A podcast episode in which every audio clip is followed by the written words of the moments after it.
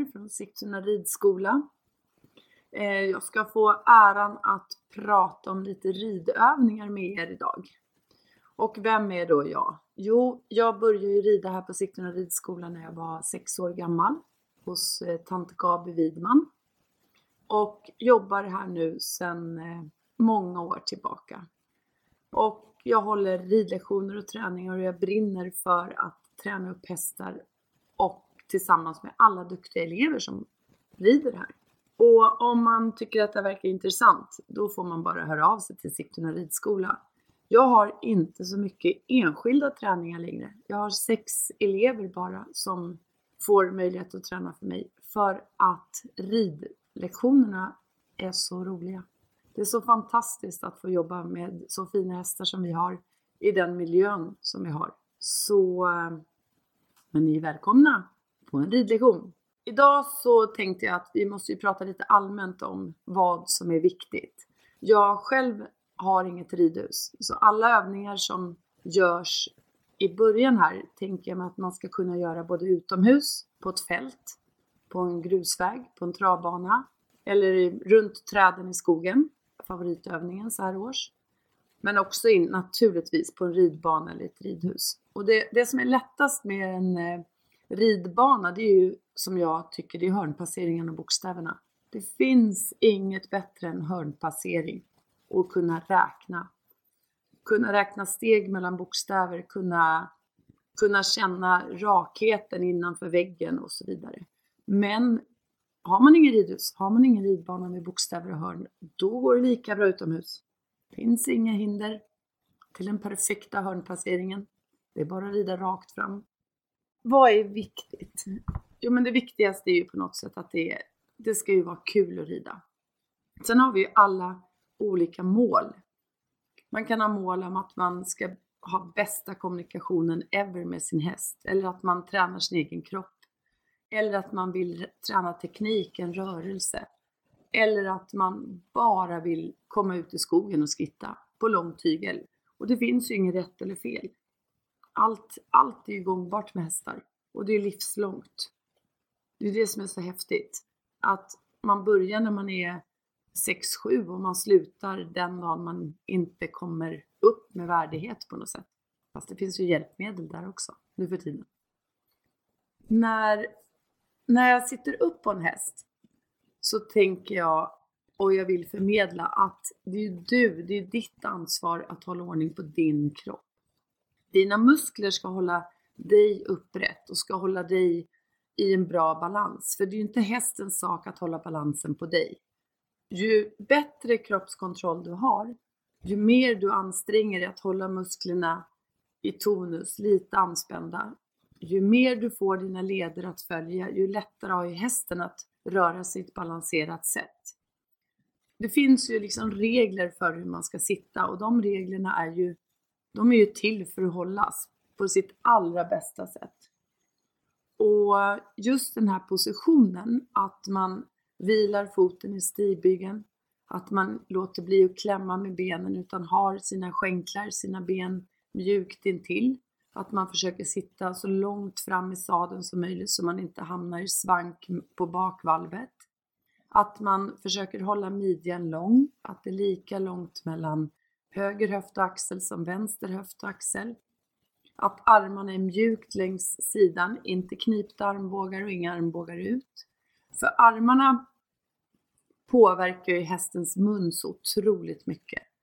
Så det finns en anledning till varför man ska hålla tummen upp och hålla tygen lite hårdare mellan tummen och pekfingret och lite mjukare mellan lill och ring.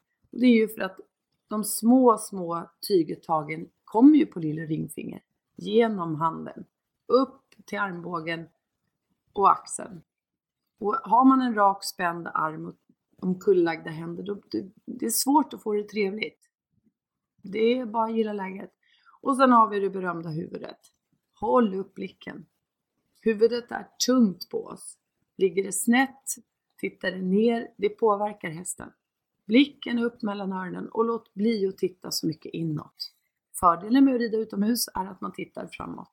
Och det är jättemysigt att titta ner på halsen när manen fladdrar. Alltså det är ju, man vill ju verkligen göra en Snapchat-bild. en liten film. För det, det är ju det häftigaste, de här två härliga öronen och manen som fladdrar. Men vad säger vi om mobiltelefonen på hästryggen? Och det här är väl kanske en nackdel också med en podd, därför att jag tycker inte man ska rida med två öronsnäckor. För att det är farligt, man behöver höra vad som händer runt omkring. Men om man tar bort den farliga aspekten så, så är det det att jag lyssnar jättemycket på hästen också. Andningen, om den frustar, hur den mår, hur den går. Alltså allt, du, du kan höra takten om du rider utomhus i, på grusvägen. Du kan höra steget. Så kanske en öronsnäcka, kan man, kan man komma överens om det? Om vi nu ska rida med så bara en. Nu sitter du jätteskönt på din häst. Då brukar jag försöka tänka som en häst. Och vad vill hästen veta? Om du sitter i bra balans så anser jag att hästen har tre viktiga frågor. Den ena är, vilken gångart vill du ha mig i? Och det har vi ju lärt hästen från början med att gå på backen och sen longera och sen använda ljud som vi har sen överfört till tryck i munnen och skänkeltryck mot magen. Så den vill veta gångart, den vill veta vilken fart och där tänker jag att du behöver tänka först vilken fart du vill ha. För om du sätter din kropp i den farten som du har tänkt så är det lättare för hästen att förstå. Till exempel om du vill rida långsamt men du rider fort med säte, tanke och skänkel. Hur ska hästen då förstå att ditt säte vill ha långsamt, korta steg när rumpan och sätet rider stora, långa steg? Då blir det svårt för hästen att förstå och så blir det att man rider på att man korrigerar. Till exempel ta i tygen. Trycker på för mycket med skänken. Och hela tiden sitter och rättar. Och sen vill hästen förstå vilken riktning den ska ha. Den måste få en ärlig chans att veta vägen. Och det är det här som är så häftigt att se proffsen rida. För de, de gör inga tyguttag. De trycker inget med skänken. Alla sportjournalister säger det är ridningen är ju, det är hästen som gör allting. Han sitter ju bara uppanpå. Jo men så, det är ju så det ser ut. Men det är ju så många års träning att ha en tyst kommunikation med en häst.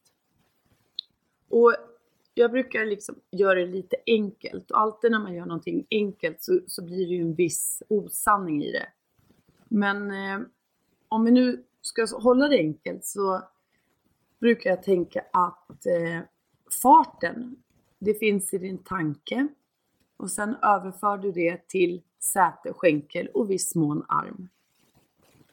Så man kan tänka att din nedre del av kroppen sköter farten och bakbenen. Och riktningen finns i kår, magen, axlar, armarna. Om armarna håller halsen rak, mitt emellan tyglarna. Och lill och ringfingrar sköter hur hästen ska vara ställd. Och böjningen, det kommer vi till så småningom, den, den finns ju oftast mest i din yttersida. Ju mer du ger på ytter, ju kortare blir inner. Men om vi då vrider axlarna, vrider bröstbenet, då, då kommer hästarnas bogar följa den riktningen du har tänkt. Så länge du inte håller emot för mycket tygen på andra sidan. Vill du till vänster, vrid kroppen till vänster lite. Och du behöver inte titta om du inte håller på med banhoppning. Du kan fortsätta hålla blicken mitt emellan öronen. Allt för att hålla balansen.